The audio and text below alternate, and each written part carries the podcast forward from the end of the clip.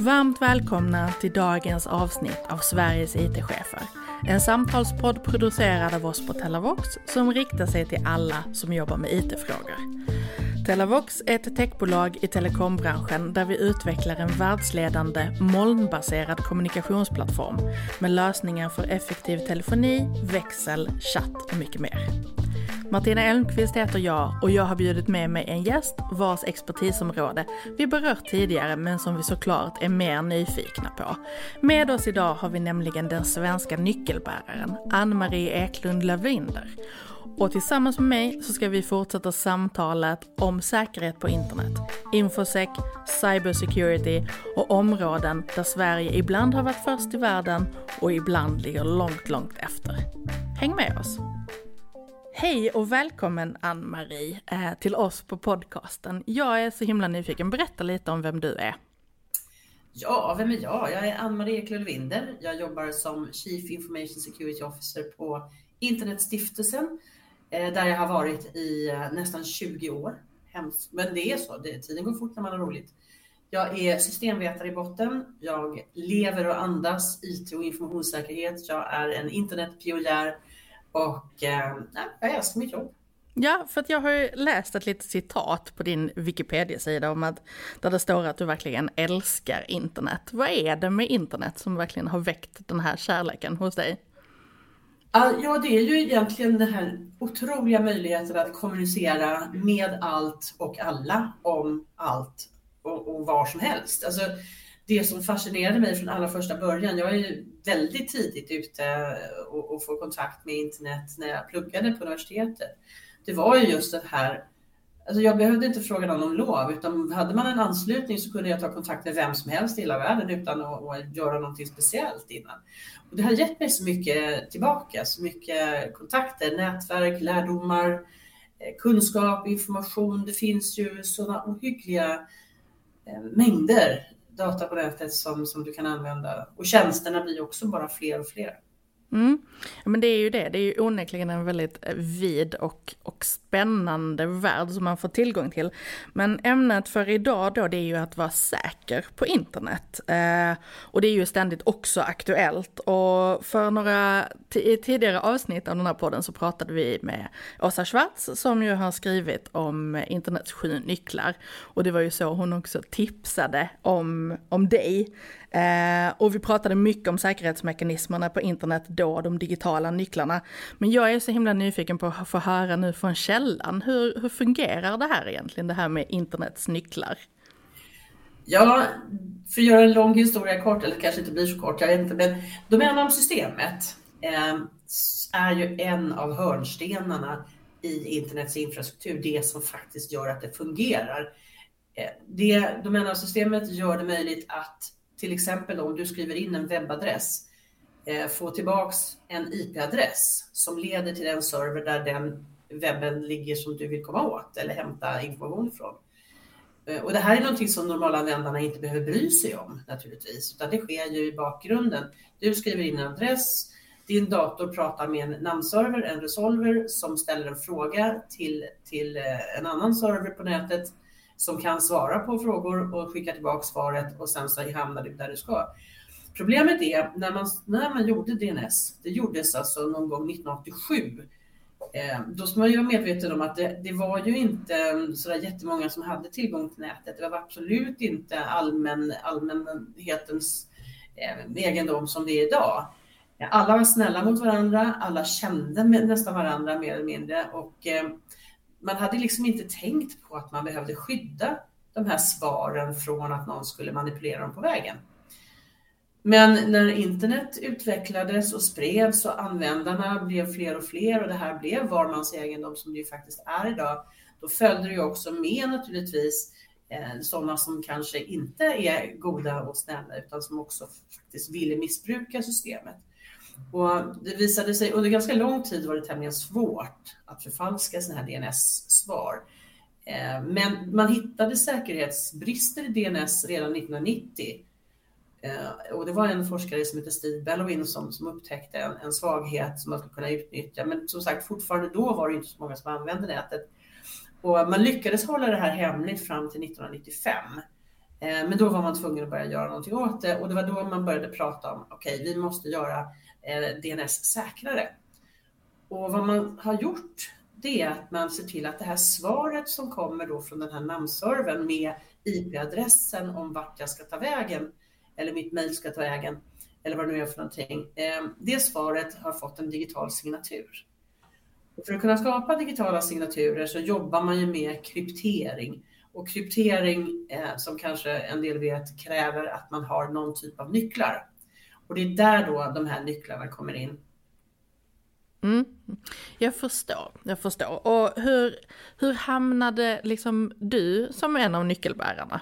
Hur är din story med detta? Ja, alltså förutom att jag då älskar internet och är en väldigt stor internetkramare så blev jag också vansinnigt förtjust i domännamnsystemet när jag träffade på det. För att, tänk er själva, någon hittar på någonting 1989, inte med tanken på att ja, men nu ska vi koppla ihop hela världen och alla ska kunna eh, utbyta information med varandra. Det var ju inte där, utan de, de gjorde ett system som funkade där och då, men som är så genialiskt gjort så att det har skalat. Alltså man använder fortfarande samma teknik som man gjorde 89. Det har inte ändrats särskilt mycket i grundprotokollet. Eh, så 1999 var jag fortfarande på IT-kommissionen och då började vi titta på det här med säker DNS och hur man skulle kunna göra det på ett bra sätt. Det här är ett arbete som sker inom Internet Engineering Task Force, IETF. Eh, och det är där alla internetstandarder, best practices och andra protokoll tas fram eh, som ska fungera på internet. 99, ja då hade man kanske inte kommit jättelångt men eh, det första försöket det var så här, ah, tillbaks till ritbordet, det funkade inte. Allting som har med kryptonycklar att göra är faktiskt väldigt komplext. Och det fanns en del nötter som man behövde knäcka så man gjorde nya försök och 92 eh, då hade man kommit lite längre. Och, eh, förlåt, inte 92. Jo, det måste det vara. Mm. 99, nej, nej, nej, nej, nej. 2001 menar jag naturligtvis. Mm. Tio år fel bara, men ja. Eh, då hade man kommit lite längre och då hade jag bytt arbetsgivare. Så då var jag på Internetstiftelsen 2001. Ehm, och där kör man ju DNS för Sverige. Mm. Alltså för toppdomänen.se och numera också för .nu. Ehm, och då tyckte vi att varför inte se till att Sverige signerar toppdomänen så att alla domäner som slutar på .se har en bättre säkerhet och bättre skydd. Ehm, och det jobbade vi med från 2003 drog vi igång, 2002-2003 drog vi igång ett riktigt stort projekt. Lite gerillaverksamhet var det därför att det var ju väldigt få som förstod vad det här gick ut på, vad det var bra för och ehm, det här projektet drog en del pengar. Jag fick försvara det åtskilliga gånger i, i Internetstiftelsens styrelse och så sa vi alltid att jo, men om sex månader så kommer det här vara färdigt. det är en ganska vanlig tidshorisont på, i internetstandardutveckling. De här sex månaderna kan lätt bli sex år. Mm. 2005 så fanns det en standard och då hade vi förberett oss att vi var först i världen i mm. eh, SE med att signera vår zonfil med säker DNS. Mm. Ja, för att eh, det är ju lite spännande, det leder liksom in mig väldigt fint här till nästa sak som jag då också har, har läst och det är ju att eh, 2013 så blev du ju invald i Internet Hall of Fame eh, och eh, motiveringen till, den här, till det här priset var ju också med arbetet eh, med DNS-SEC, eh, arbetet så att säga. Så att sådär eh, tio år senare då efter, eller ja, lite 10-8 år senare så, så fick du den här nomineringen. Men vad har det här säkerhetstänket, om vi var först i Sverige, vad har det betytt för, för svenskarna på internet?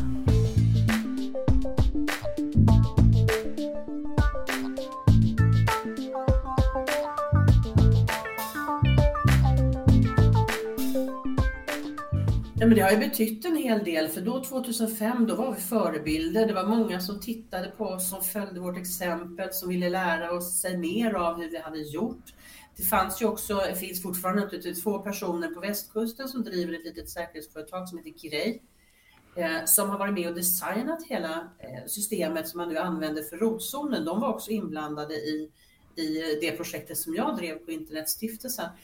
Vad som hände var att några följde efter och vi började tjata på ICANN som då är Internet Corporation for Assigned Names and Numbers som håller ihop alla toppdomäner i hela världen i någonting som kallas för rotzonen.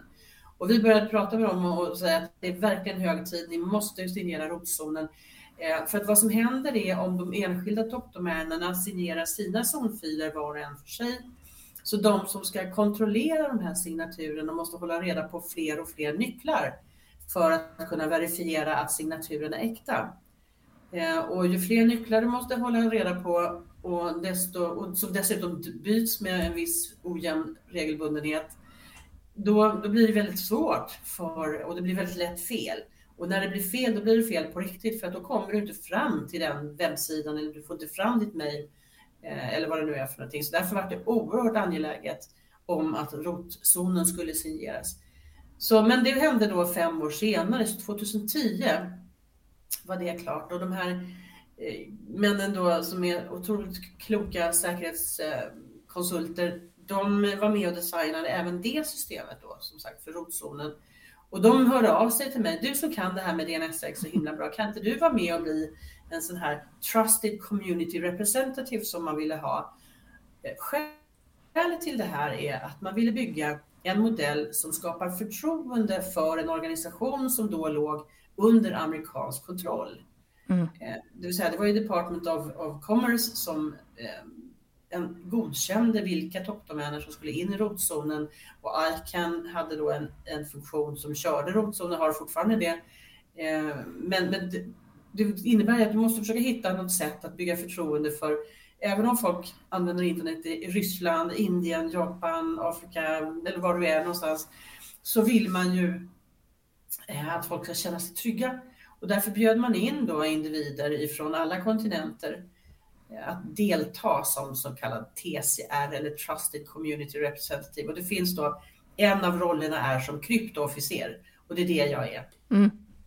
Ja, och det är en onekligen eh, superspännande för man tänker ju på nätet som, som verkligen det här, många olika trådar och som du säger, det finns ju att det finns någon typ av paraply eller någonting som övergripande då eh, håller ihop detta och som man då faktiskt också kan, kan lita på. Det är nog otroligt viktigt. Mm. Eh, och bara för att lite reda ut eh, begrepp som brukar, brukar, man brukar prata om här. Vad är egentligen skillnaden när man pratar om cyber security jämfört med kanske information security som ändå är två närliggande begrepp? Ja, det är bra att du ställer den frågan, för det här är någonting som jag har brottats med länge. Personligen ogillar jag begreppet cybersecurity eh, och det används väldigt slarvigt i mina öron.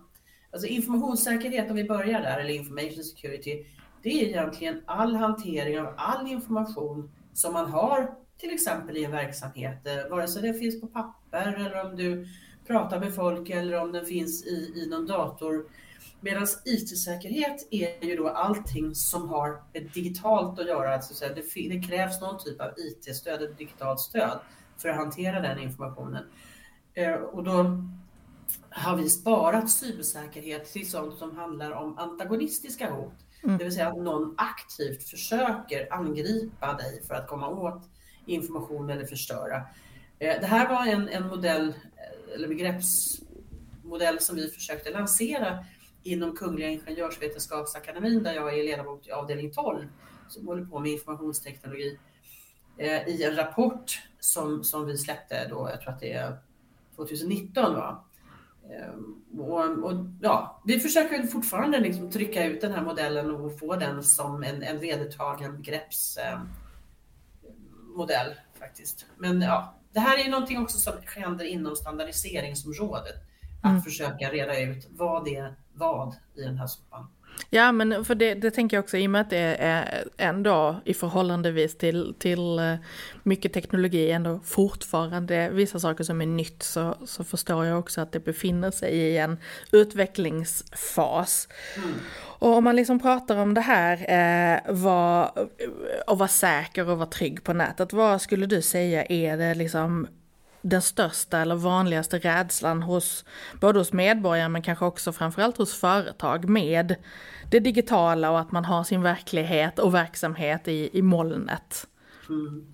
den största rädslan idag det är väl just att man ska få en, en, ett informationsläckage av personuppgifter eftersom GDPR är en så pass eh, stark lagstiftning med ganska stränga sanktionsavgifter om det är så att man inte har gjort det man kan för att skydda informationen. Eh, det skulle jag säga är den största rädslan, vilket är olyckligt därför att eh, jag är så här, som säkerhetsmänniska är jag väldigt tacksam för vad GDPR har gjort för informationssäkerheten. För den, det har ju verkligen hamnat på, på verksamheternas bord på riktigt. Ehm, jag har ju ändå kämpat för ungefär det här i 30 års tid. Ehm, men det krävs uppenbarligen lagstiftning för att folk ska förstå att man måste göra någonting åt det och att det är viktigt och att det behöver prioriteras. Mm. Ja, för det, det är också det, jag menar i omvälvningen av av, med GDPR-lagstiftningen så hamnar det ju på varje individ och, och varje företags bord hur man hanterar eh, personuppgifter. Så det, och, det, och, att den största rädslan också då handlar om läckage av det.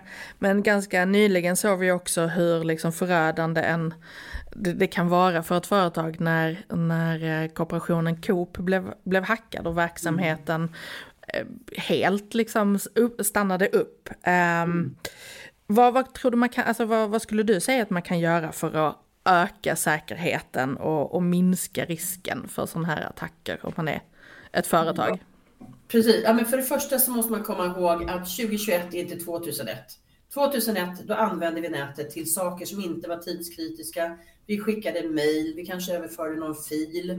Eh, vi kanske hade någon webbsida. Det var inte jättemycket interaktivitet Eh, 2021 så har vi kopplat upp det mesta.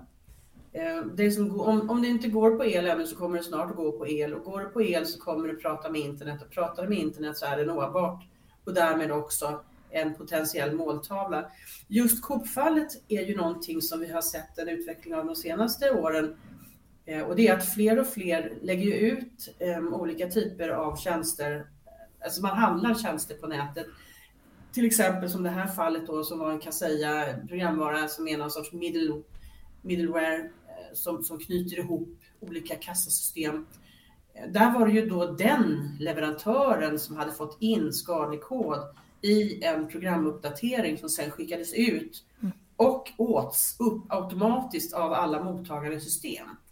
Och det är lite grann som man, som man gör idag. Vi har en otroligt stor komplexitet. Eh, vi får programuppdateringar från både höger och vänster och som sagt i det här fallet så hade man ju till och med uppmanat ifrån det här företagets sida att, att man inte skulle kontrollera säkerheten eh, utan slå av sina vanliga säkerhetsfunktioner för att den här automatiska uppdateringen skulle gå igenom direkt med, och med då de förödande konsekvenser som det här fick.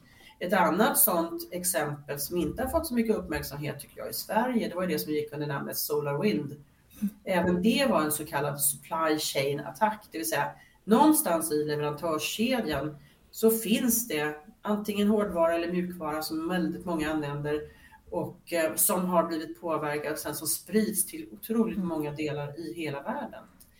En annan sak som jag också skulle vilja lyfta det är ju det här med internet byggdes för att vara väldigt robust. Trafiken kommer alltid fram. Eh, det finns alltid en väg till och så vidare. Så det, det är ju väldigt diversifierat och väldigt utspritt.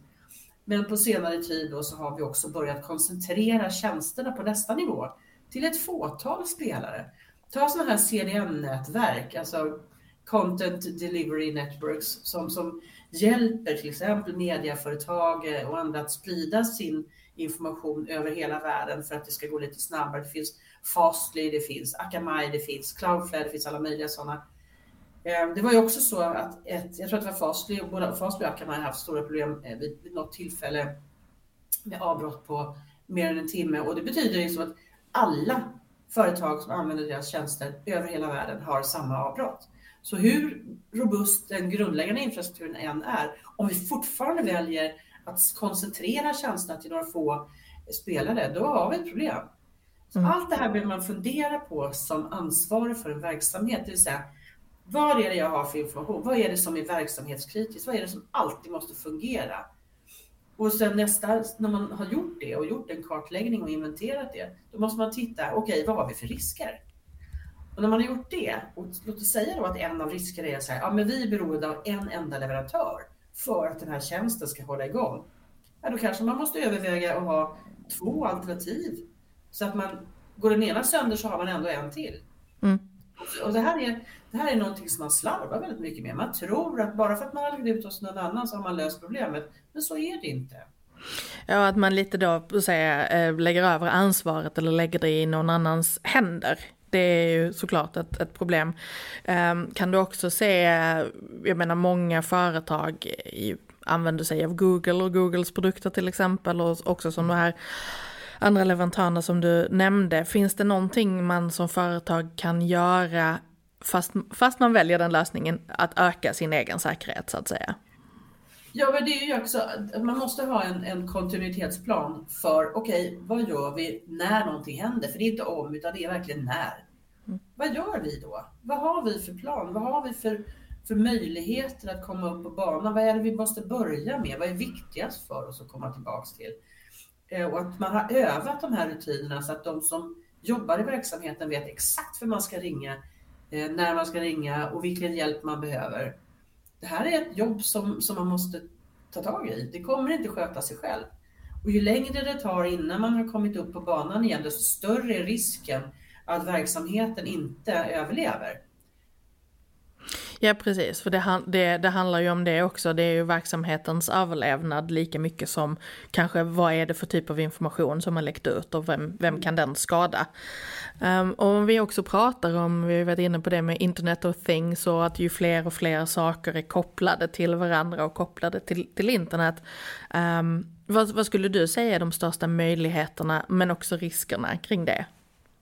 Ja, men möjligheterna med, med IoT är ju enorma och helt omöjliga att förutsäga. Det finns så många olika tillämpningar inom, om, man bara tar den här samhällssektorerna, alltså vård, skola, omsorg, bara där skulle man kunna göra extremt mycket. Vi har det här med, med smarta städer eller viable cities. Vi, om vi ska liksom försöka rå på nu eh, klimatomställningen och faktiskt åstadkomma en klimatomställning på kort tid, ja, men då måste vi bli smartare. Då måste vi ha Eh, en hel del av de här funktionerna som IoT erbjuder. Men vi kan inte gå in i det här med liksom förbundna ögon och, och låtsas som att det här aldrig kommer att bli fel. Tvärtom, vi måste vara medvetna om att det kan hända saker. Då måste vi veta, okej, okay, om det här händer, vad gör vi då? Så det är precis samma sätt, sak här. Och man måste också, där tycker jag man, man ska ta med sig det som finns då, som vi har pratat om inom säkerhetsområdet, eh, hur länge som helst. Så säkerhet i, redan i designskedet. Säkerhet måste vara med från början. Eh, det går liksom inte idag att göra en, en pryl utan att tänka på säkerheten. Så där, där skulle jag vilja ha en vädjan till alla innovatörer och, och idémakare. Jag tycker det är fantastiskt det man gör idag. Men jag tycker att det skulle vara hälsosamt att man ändå tar sig en funderare pratar med någon som jobbar säkerhet och så säger man okej, okay, vi har gjort en pryl som kan göra det här underverket. Men låt oss säga att någon skulle vilja missbruka det. Hur skulle de kunna göra det? Mm. Tycker du att det är någonting i, innovationen, att det är någonting man, man eh, slarvar med eller undviker eller, eller hur? Ja, alltså jag tror inte man tänker riktigt så. Man, vill ju, man, man, har, liksom, man har idé, man vill framåt, man vill åstadkomma en, det blir lite som den här uppfinnaren i Solna, jag vet inte om du kommer ihåg det. Han som tänkte inte på det. Och det, jag tror att det är så enkelt. Man har inte riktigt det mindsetet när man är innovatör och vill komma fram med en ny produkt eller ny. Och sen är det ju också så att time to market är betydligt viktigare än, än att göra det säkert. Mm. Ja såklart och när det är många som konkurrerar också eh, så vill man kanske vara först eller hinna först eller vara liksom ja. ledare såklart. Eh, men lite också med, med någonting som på tal, om, på tal om det här med säkerhet och digitalisering så, så sitter du ju också med i digitaliseringsrådet mm. eh, för regeringen. Jag är också nyfiken på att höra mer om vad, vad innebär det jobbet?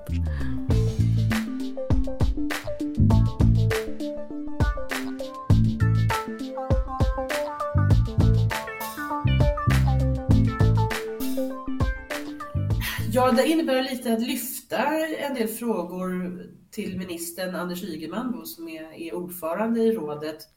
Eh, det är ju väldigt mycket fantastiska människor med där som har, har bra kunskap och stor insikt om vad som händer på digitaliseringssidan både inom det privata näringslivet och inom offentlig förvaltning.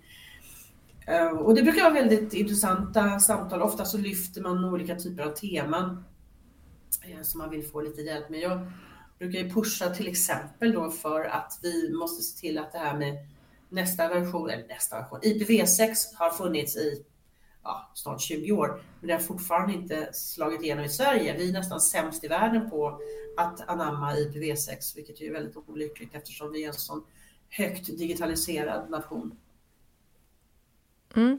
Men berätta lite mer, vad innebär IPv6 för de som inte är insatta Precis. i det? Nej, men det, det finns ju standarder då för IP-adresser och vi levde och lever fortfarande med version IPv4. Eh, där har adresserna tagit slut för länge sedan. Eh, och det började de göra för säkert tio år sedan. Det var bara det att istället för att, att då lösa problemet genom att börja implementera den nästa generation, det som kallas för IPv6, så tog man till det här med gummisnodd, tejp och, eh, och gaffa, eh, lim och vad det kan ha varit. Eh, och hittade lite sådana här nätverksadressöversättningar och man gömde saker bakom burkar. Så gick det inte åt lika många adresser. Och det här har ju faktiskt påverkat internet i negativ riktning för att om du inte har en riktig statisk adress så är det mycket svårare att leverera tjänster ut till N-systemen. Ehm, så ja, det, men det, man, får, man får leta lite och läsa på lite. Det, med IPv6 så får du så lika många adresser så att du kan adressera varje atom i universum var det någon som sa. Men jag är inte riktigt säker på den beräkningen. Och vad, vad, tror du är anledningen till att vi, vi inte har liksom gått vidare till det här då? Um, är det av liksom ekonomiska skäl eller är det något andra skäl? Jag tror dels var det ju från början och det kanske är fortfarande, det är kompetensbrist på det området och sen så finns det ju inget kundtryck. Precis på, på samma sätt som det inte finns något kundtryck för att göra DNS säkrare för att de allra flesta människor vet inte om att DNS finns överhuvudtaget. Eh, och leverantörerna väntar på att kunderna ska börja fråga efter. Det har alltid varit liksom lite grann av deras ursäkt. Det är ingen som frågar efter det. Nej, okej, okay. men är det så att man hade, hade fortsatt att köra på trähjul med, med järnäkrar bara för att inte någon frågar efter gummidäck? Ja, det tror jag inte. Jag tror att man, man som, som leverantör också har ett ansvar att förbättra eh, infrastrukturen och förbättra si, sina erbjudanden utan att folk frågar efter. Mm. Ja, och lika så, kan det ju såklart handla om med, eh, med IP-adresser att eh, om man inte vet att man ska fråga efter det så frågar man inte efter det. Nej. Men... Det är en naturlig utveckling. Liksom. Okej, leverantörerna, här har jag tagit fram en ny standard. Det här är liksom state of the art. Vi borde ligga långt framme och nu är man ju inte ens det. Nu är vi ju långt bak. Eh, så det är ju bara att sätta igång. Se till att det finns möjlighet för kunder att koppla upp sig. Vissa delar av världen har bara IPv6. Eh, de har ingen möjlighet ens en gång att kommunicera via IPv4 och det här innebär ju också en komplexitet i infrastrukturen. Man måste börja köra saker i i olika typer av tunnlar och, och, och sån här mer eller mindre övergångsteknik som Ja men det är olyckligt. Mm. Låter det också lite som lapp och laga och det är inte då, ja. det finns också säkerhetsrisker såklart mm. i det. Um, har du något annat så här um, som ligger på agendan i digitaliseringsrådet som du vet det här är spännande eller det här är det vi tittar på just nu? Ja, vi, jag har ju lyft uh, mycket kring det här. Jag tycker till exempel att offentlig förvaltning i Sverige borde vara en förebild på säkerhetssidan eh, eftersom vi också pratar väldigt mycket om digitalisering. Eh, jag har pratat mycket med, med DIGs generaldirektör Anna Eriksson och vi har pratat med, med Darja Isaksson eh, på Vinnova och flera. Och, alltså det finns ju egentligen inget tryck. Varje myndighet bestämmer själv. Eh, och kan göra som de vill. Och vi på Internetstiftelsen kör en undersökning som vi kallar för hälsoläget på internet i.se. Och där går vi igenom och tittar på väldigt grundläggande standarduppsättningar på säkerhetssidan som till exempel DNSSEC om man skyddar sin mail på ett bra sätt, om man skyddar sin webb på ett bra sätt. Och det, eh, alltså det finns undantag, men generellt så är det ganska trista resultat. Det här kan man gå in och titta på på ett verktyg som heter Hardenize med z.com eh, och så klickar man på dashboards och så klickar man på Swedens hälsoläget. Så kan man se där hur det ser ut i, inte bara den offentliga förvaltningen. Vi har valt ut eh, drygt tusen domäner som representerar verksamheter som vi anser har någon typ av samhällsviktig funktion. Och det är ju då statliga myndigheter förstås, statligt ägda bolag, eh, media, eh, ja, eh, universitet och högskolor. Eh, ja, det är en hel rad olika kategorier som vi kikar på och ser hur statusen är. Försäkringsbolag, banker naturligtvis. Mm. Vad tror du, varför tror du att det är ett litet motstånd eller att man ligger, inte ligger så bra till?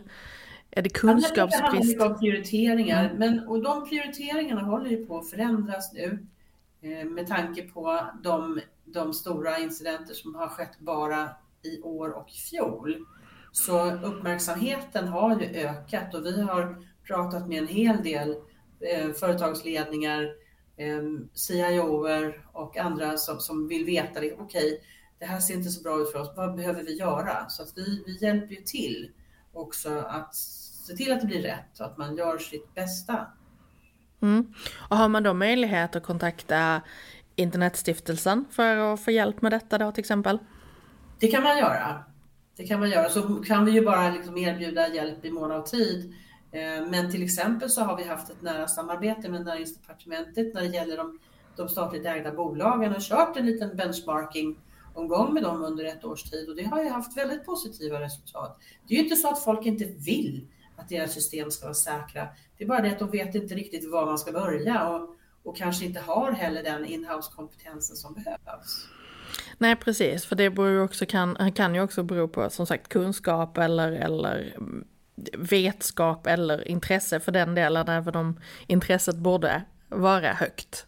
Mm. Men för att avrunda då lite som en, en framtidsspaning, vad, hur tror du liksom utvecklingen av internet ser ut? Vad ser du inom den nära framtiden och kanske lite på längre sikt? Ja, det är ju en, också en väldigt intressant fråga. I mina mörka stunder så tänker jag att det här kommer inte det kommer gå åt fanders. Eh, det, det, är för mycket negativt som händer. Eh, ta bara till exempel alla de här ransomware-angreppen, alltså med kidnappningsprogramvara, eh, där folk får sin information krypterad, de måste betala lösen för att få tillbaks den som har fullständigt exploderat de senaste två åren mm. och i synnerhet här i spåren efter, efter pandemin eh, så har det här ökat.